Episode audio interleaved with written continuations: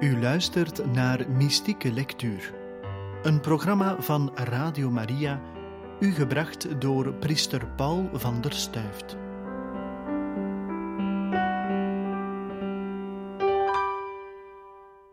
Programma Mystieke Lectuur presenteert sterke en diepe teksten van heiligen en van mystieke auteurs, voornamelijk over het intieme gebedsleven, de intieme gebedsrelatie met God pareltjes vanuit onze rijke schat aan christelijke spirituele traditie.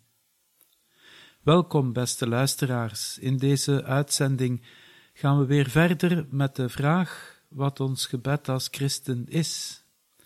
Het is er bij het bidden om te doen, om God te leren beminnen. Ieder moet zelf de liefde van God in het gebed ontdekken. Niemand kan dat in de plaats van een ander. God zelf heeft ons het eerste bemind en heeft ons zijn liefde tot het uiterste getoond in Jezus onze Heer, maar wij moeten er bewust van worden. Als we die weg willen inslaan, gaan we liefst bij de heiligen in de leer, of om het met meer hedendaagse woorden te zeggen, we gaan bij ervaringsdeskundigen ons licht opsteken.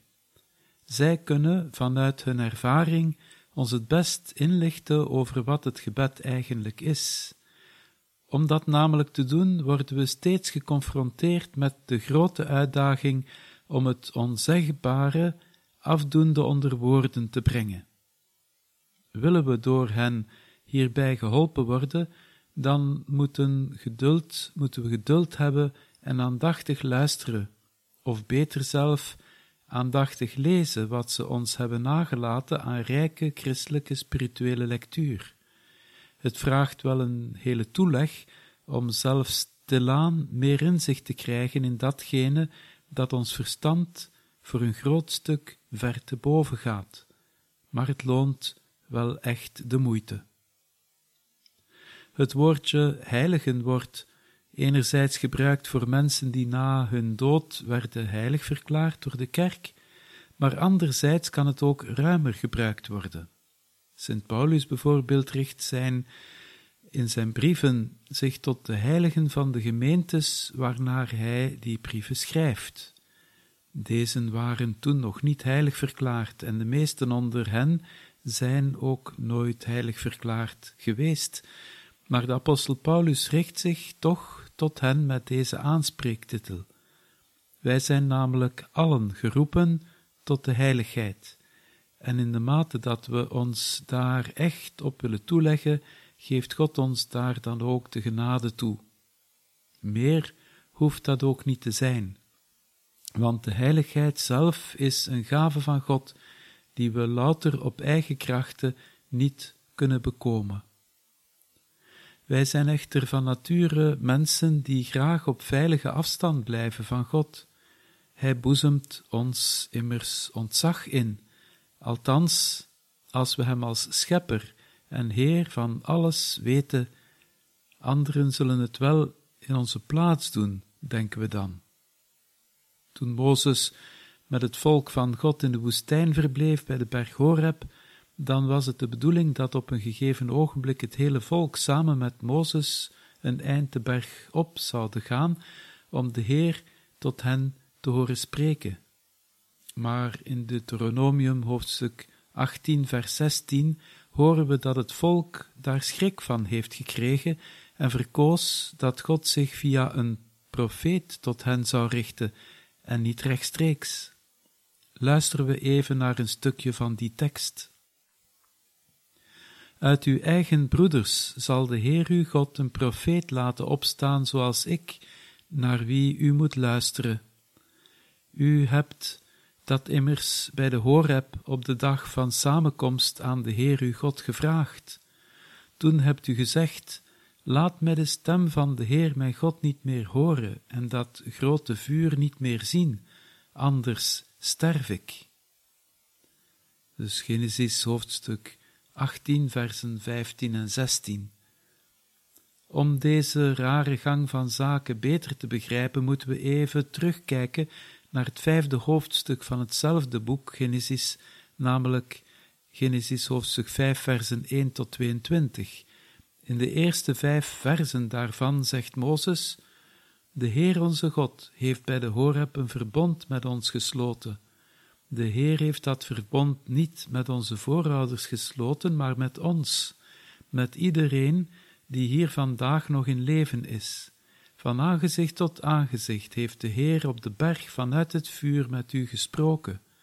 Ik stond toen tussen de Heer en u in, om u zijn woorden over te brengen, want uit angst voor het vuur bent u de berg niet opgegaan. Het bidden staat namelijk centraal in een gezond christelijk leven. Het bidden is, zoals we reeds herhaald hebben, innig verbonden blijven met de bron van het leven. Gods oneindige liefde in ons hart laten binnenstromen en Hem zijn herscheppend werk in ons en door ons laten verrichten. Het is de diepe levensvreugde en vrede vinden, of beter gezegd, bezitten, die voortvloeit uit een leven in verbondenheid met God. Deze diepe vrede en vreugde rust ons toe om vastberaden de wil van God de Vader voor ons leven aan te durven, waar die ons ook toe mag leiden. Luisteren we nog even naar een stukje uit de inleiding op het devote leven van Sint Franciscus van Sales dat we in de vorige editie hebben gelezen en dat ons eraan herinnert dat we naast de voorbereiding van ons gebed het sturen ervan aan God moeten overlaten wanneer Hij wil. Je zal het soms meemaken dat onmiddellijk na de voorbereiding op je meditatie je genegenheid geheel bewogen is in God. Dan moet je de teugels loslaten, zonder de methode die ik je gegeven heb verder te willen volgen waar althans normaal gezien de overweging, de genegenheid moet voorafgaan, als de Heilige Geest je onmiddellijk de genegenheid geeft voor de overweging, dan moet je niet zoeken naar de overweging. Hem leren te beminnen, daar gaat het dus nu precies om. Maar om Hem te leren beminnen, moeten we geen schrik hebben om dicht bij Hem te komen, zijn liefdevuur te ervaren, vertrouwen te hebben dat we er niet aan ten onder zullen gaan. Laten we, vooraleer verder te gaan, eerst nog enkele dingen goed verduidelijken. De meditatie heeft de taak om de genegenheid geboren te laten worden, zoals we dit reeds hebben uitgewerkt. Of, als je verkiest, ze warmt de liefde tot God weer op, die ons doet binnentreden in het gebed en die misschien een beetje lauw geworden was. Maar opgelet, het woord genegenheid of affectie heeft een evolutie meegemaakt naar een grotere sentimentaliteit, bijvoorbeeld voor iemand een affectie gevoelen. Het bevat het risico om het beminnen en de indruk van te beminnen met elkaar te verwarren we hernemen hier wat we een paar edities geleden hebben ter sprake gebracht. Men kan zeer goed smoorverliefd zijn en toch niet kunnen liefhebben, of omgekeerd. Bij het bidden wil dat zeggen dat we vaak geen enthousiasme hebben bij het zoeken naar de wil van God. Maar laten we, wat er ook van zij, terugblikken op wat de heilige Teresa van Avila ons reeds vertelde – al wie novice is in het bidden, vergeet dit niet. Het is heel belangrijk. Moet als enige eis hebben om zo vastberaden mogelijk te zwoegen, zich ertoe te brengen of zich bereid te, te maken tot het conformeren van zijn of haar wil met deze van God. Die wil van God tot de onze maken gaat vanzelf als we het liefdevuur van God in ons hart hebben ervaren. Het doet ons eigen hart ontbranden in en door datzelfde liefdevuur. Eveneens zullen we goed begrijpen dat deze genegenheid of affecties, waarvan Sint Franciscus van Sales spreekt, zich nu gaan omvormen tot voornemens. Ze zullen concreet de vereisten van de liefde tot God bewerkstelligen die we zullen hebben ontdekt in onze bezinning. En we laten nu Sint Franciscus aan het woord. De bezinning verbreidt goede gemoedsbewegingen in de wil of in het affectieve deel van onze ziel. Voorbeelden daarvan zijn de liefde tot God en tot onze naaste, het verlangen naar het paradijs en van de glorie, de ijver voor het heil van de zielen, de navolging van het leven van onze Heer, het medelijden, de bewondering, de vreugde, de vrees voor de ongenade van God, de vrees voor het oordeel en voor de hel, de haat voor de zonde, het vertrouwen in de goedheid en de barmhartigheid van God, de verlegenheid voor ons slecht leven in het verleden. In al deze genegenheden of affecties moet onze geest zich zo ver mogelijk uitstrekken, uitstorten en schenken. Men moet nogthans niet zozeer stil blijven staan bij de algemene gemoedsbewegingen, zodat men er niet toe zou komen ze om te vormen tot bijzondere en speciale voornemens voor uw verbetering en herstelling. Het eerste woord dat Jezus bijvoorbeeld aan het, aan het kruis spreekt, zal zonder twijfel een goede genegenheid tot navolging in uw ziel uitstorten. Het verlangen namelijk om uw vijanden vergiffenis te schenken en hen lief te hebben. Welnu, ik zeg dat dit maar weinig voorstelt als je er geen speciaal voornemen aan toevoegt, zodat ik me nu echter niet meer zal laten gaan door hatelijke woorden die de een of de ander, mijn buurman of buurvrouw bijvoorbeeld, over mij vertelt, noch over een of andere minachting me door de een of de ander toegedaan. Integendeel, ik zal het ene of andere doen om het te verdienen en het makkelijker te verkrijgen, enzovoorts. Hierdoor zal je je eigen fouten in een mum van tijd verbeteren, daar waar je enkel door de genegenheid bewogen het laat of met tegenzin zult doen. En dit komt dus uit de inleiding op het devote leven van Sint Franciscus van Sales. Zoals we daarnet hebben gezegd, hem leren te beminnen, daar gaat het nu precies om. Maar om Hem te leren beminnen, moeten we geen schrik hebben om dicht bij Hem te komen, Zijn liefdevuur te ervaren, vertrouwen te hebben dat we er niet aan ten onder zullen gaan.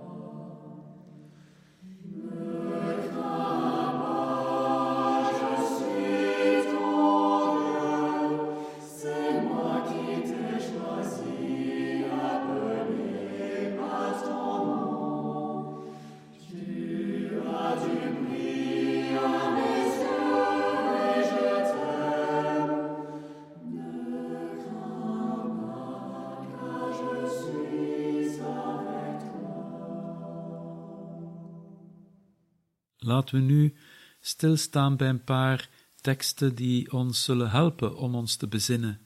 En we nemen hiervoor de prediking van Johannes de Doper.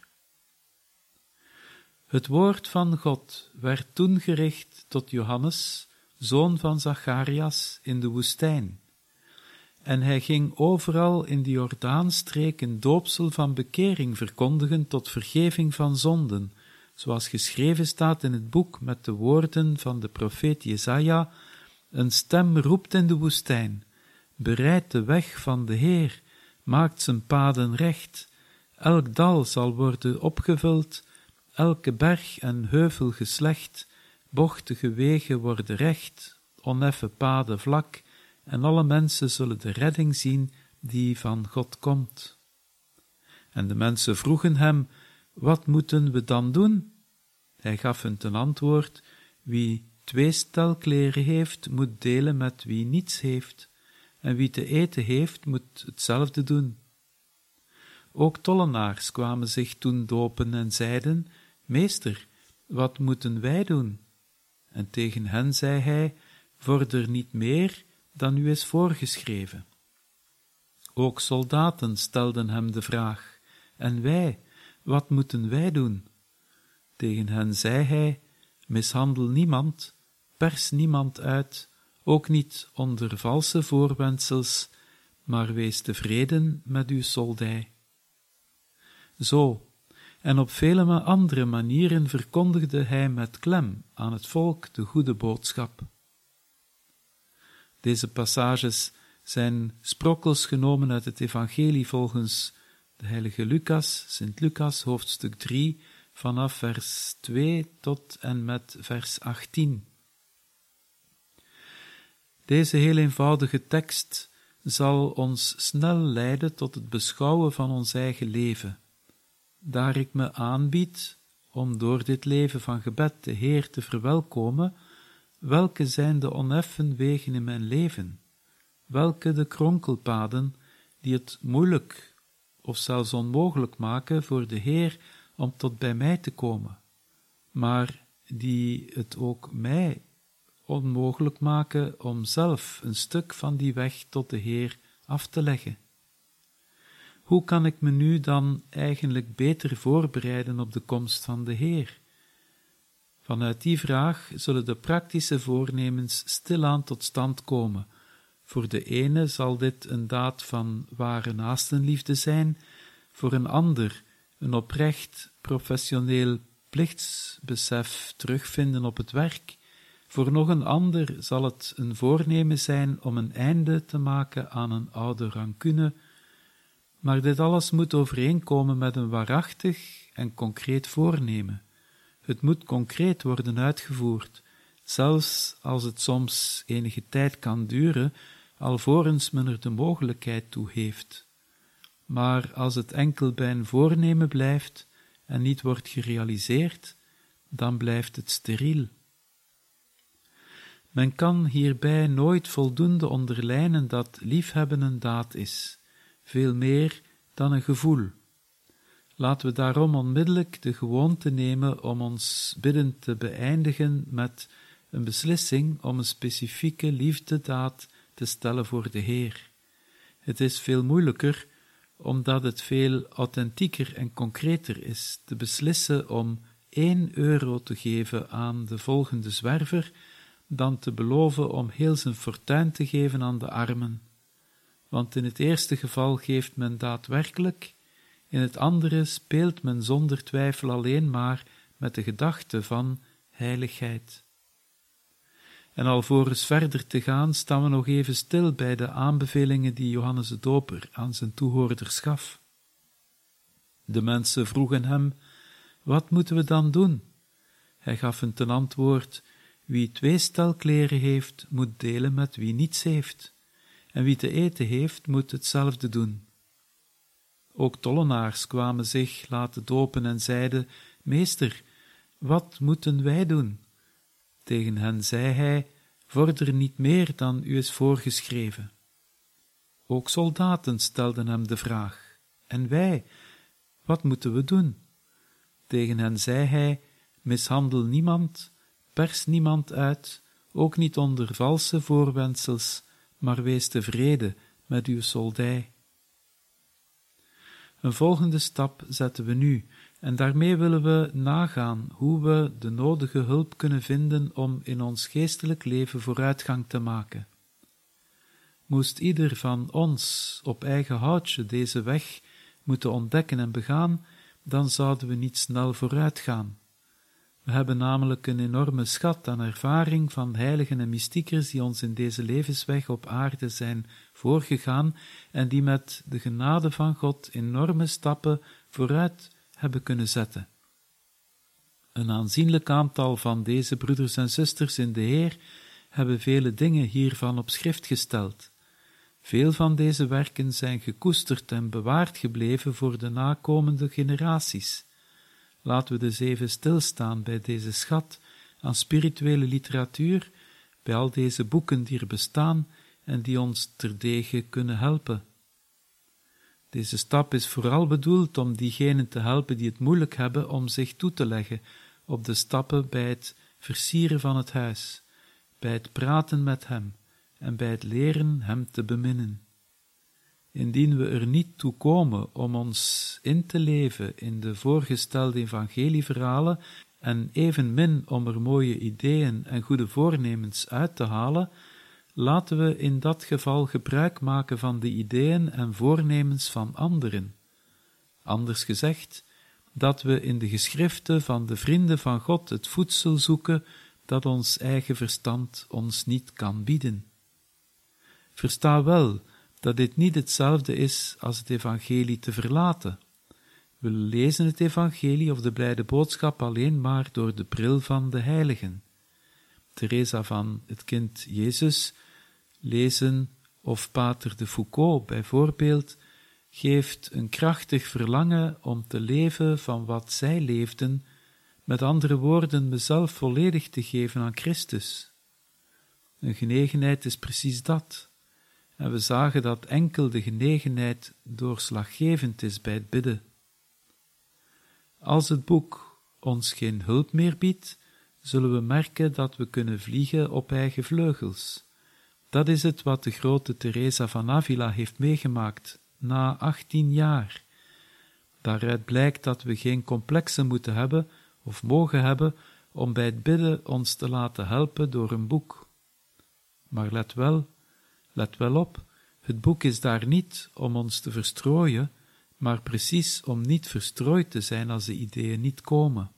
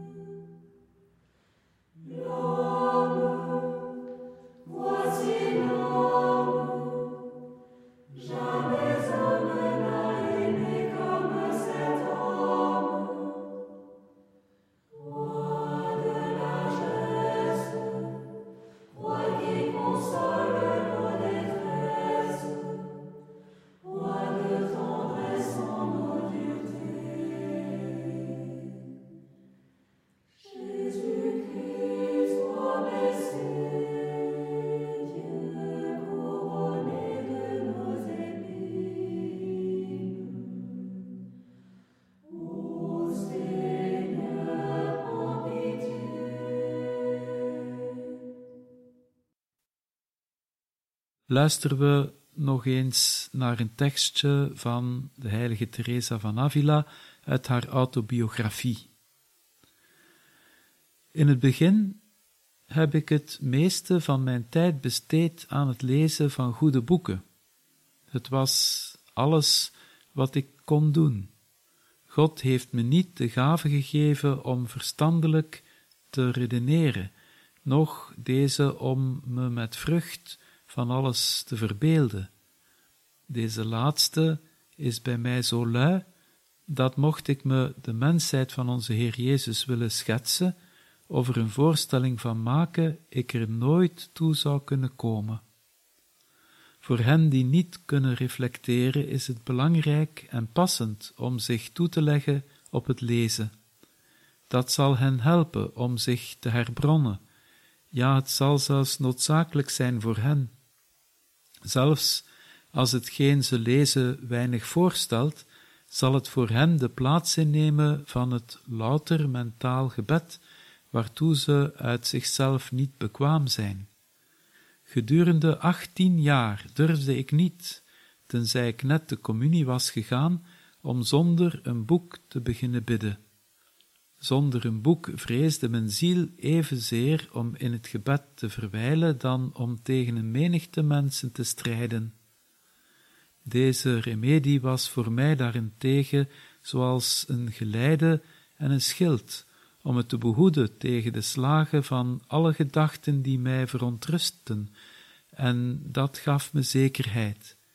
De dorheid was niet gebruikelijk voor mij, maar ze overviel me telkens als ik geen boek had, en dan vertrok mijn ziel en mijn aandacht eender waar naartoe.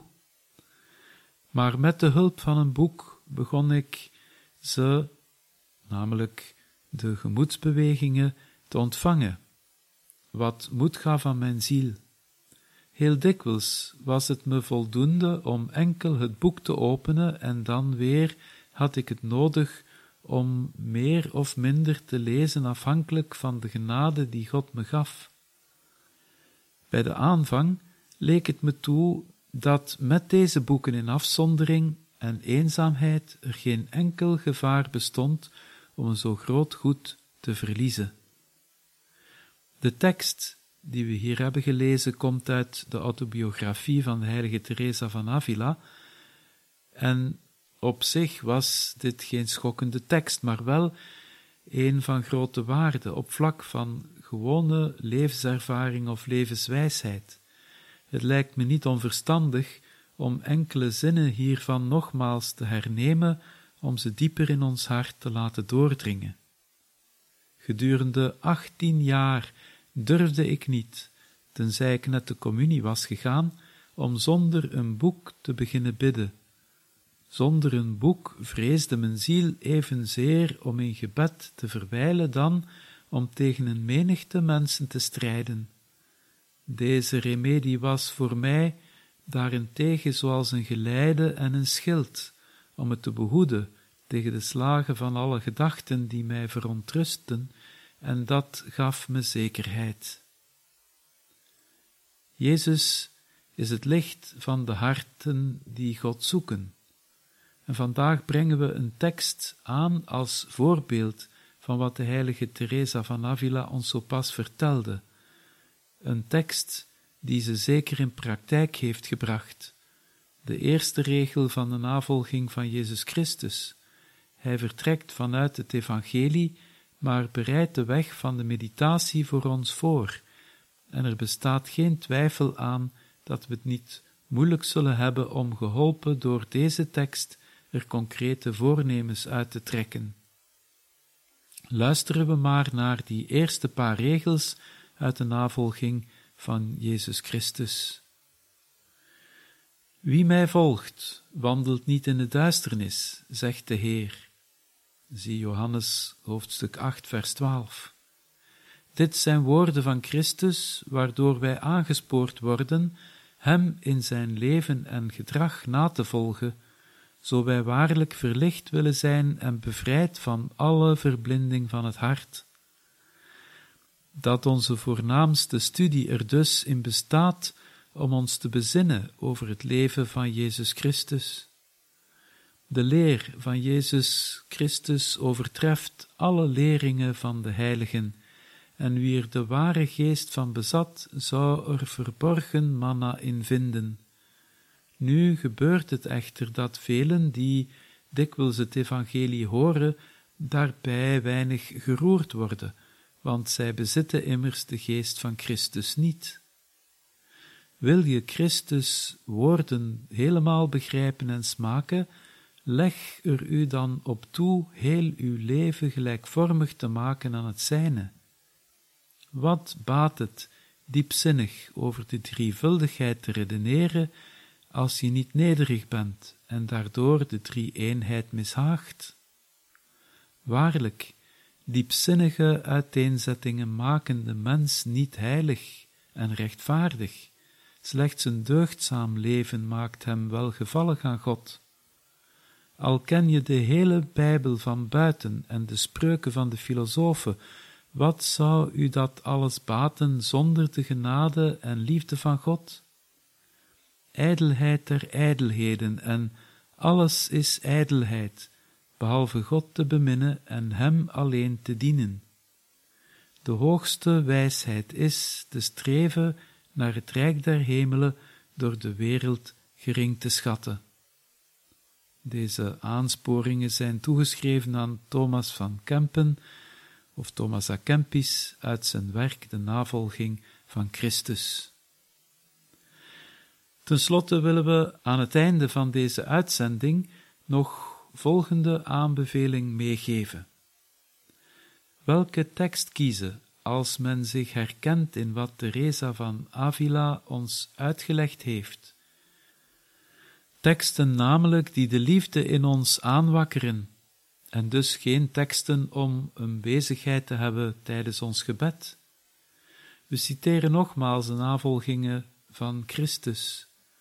Lees veeleer datgene dat het hart raakt, dan wat de geest vermaakt.